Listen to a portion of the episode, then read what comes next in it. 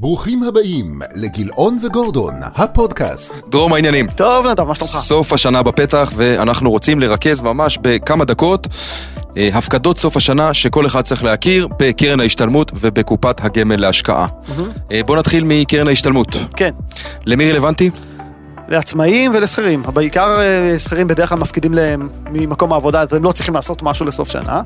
עצמאים לא תמיד מפקידים. נשאלת השאלה, מי זה גם עצמאי? מי זה עצמאי? כל מי שיש לו תעודת אה, עוסק אה, מורשה או עוסק פטור, בין אם יש לו הכנסות או אין לו הכנסות. הוא עדיין יכול ליהנות הוא עדיין יכול מהפקדה ליהנות. לקרן ההשתלמות. יתרה מכך, גם מישהו שהוא שכיר, ויש לו משכורת, וחושב לעצמו, אוקיי, יש לי גם איזה עוסק מורשה או עוסק פטור, אני לא, הש- לא, לא הוצאתי חשבונית אחת השנה, גם הוא יכול להפקיד. וליהנות מהטבות מס אה, אה, משמעותיות, עוד רגע אה, נספר כן. עליהן, הוא יכול להפקיד סכום של 18,900 שקלים בשנה. אולי ניתן אה, דוגמה למי שהפקיד השנה, אבל לא הגיע לתקרה וחבל. אה, נניח בעל עסק עצמאי שנהנה מהכנסה שנתית של אה, 150 אלף שקלים, הוא הפקיד באופן שוטף 500 שקלים בכל חודש לקרן ההשתלמות.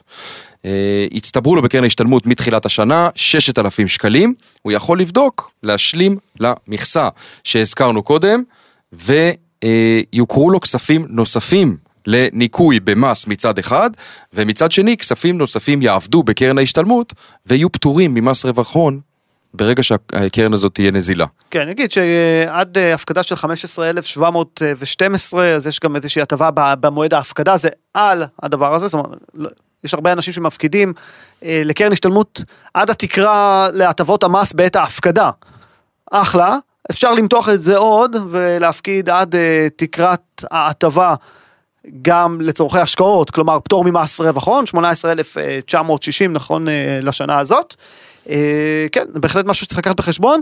אז מי שיש לו רווח של עצמאי, גם תעודה, או תעודה עוסק מורשה או עוסק פטור, פטור. ולא הפקיד, שיבדוק כמה הוא הפקיד, וגם אם הוא הפקיד, לראות שאתם מגיעים לתקרה.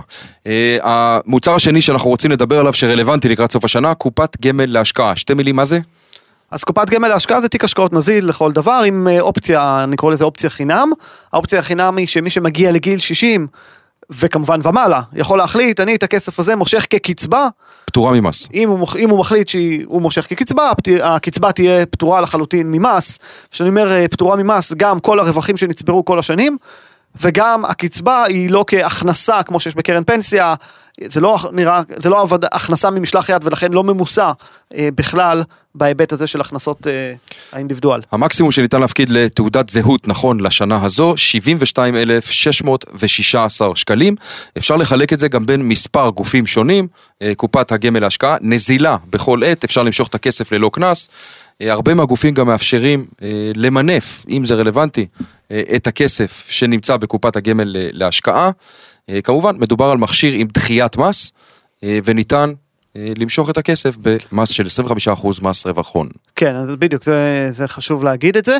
הרבה אנשים שחוסכים סכומים לא גדולים דווקא, משתמשים בזה כחיסכון לילדים, או חיסכון או. לשוטף, וזה בסדר, כי בדרך כלל בקופות גמל להשקעה יש דמי ניהול יחסית נמוכים, אבל חלק גדול מהמשקיעים שעושים הוראות קבע, לא ממצים את, את כל האפשרות ההשקעה עד התקרה, ולכן זה הזמן לעשות השלמה בין כל הסכום שנחסך מתחילת שנה עד היום, לתקרה שאפשר להשקיע. אני כן רוצה שנתייחס למשהו ששמנו לב, אה, משפחות עם אה, אה, חמש נפשות, אבא, אימא, שלושה ילדים, ילדים קטינים, לפעמים ההורים מפקידים גם להם. מה חשוב לדעת כאשר מפקידים לילדים?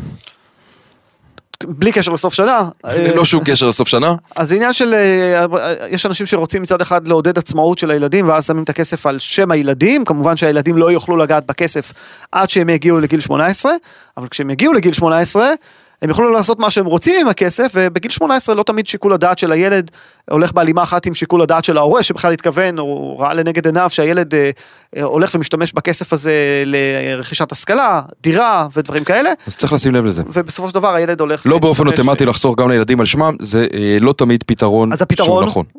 מה הפתרון? להפקיד רק להורים, להפקיד על ההורים ומי... ולפוליסת חיסכון את אה, מה שרצית להפקיד לילדים.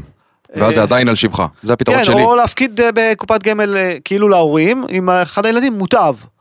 ואז כן, ההורה יחליט. ההורה יכול... הכוונה היא תחליף לסכום, כי זה כן. 72, 616 כפול חמש במשפחה עם חמש נפשות, כן. אז כאן אתה מוריד את זה לשניים, אז יש פתרונות אחרים, זאת אומרת זה לא שוויתרנו על איזשהו חיסכון, אפשר להכניס את זה למכשירים אחרים, מבלי לתת כוח גדול מדי לילדים בהיותם בגירים בני 18, כן. פתאום יש להם הרבה כסף, שלא היינו רוצים שהם יקבלו לגביו אה, החלטות. זאת אומרת שמי שמפקיד ולא עובר את התקרה, הוא יכול עדיין להישאר בקופת גמל להשקעה עבור הילדים.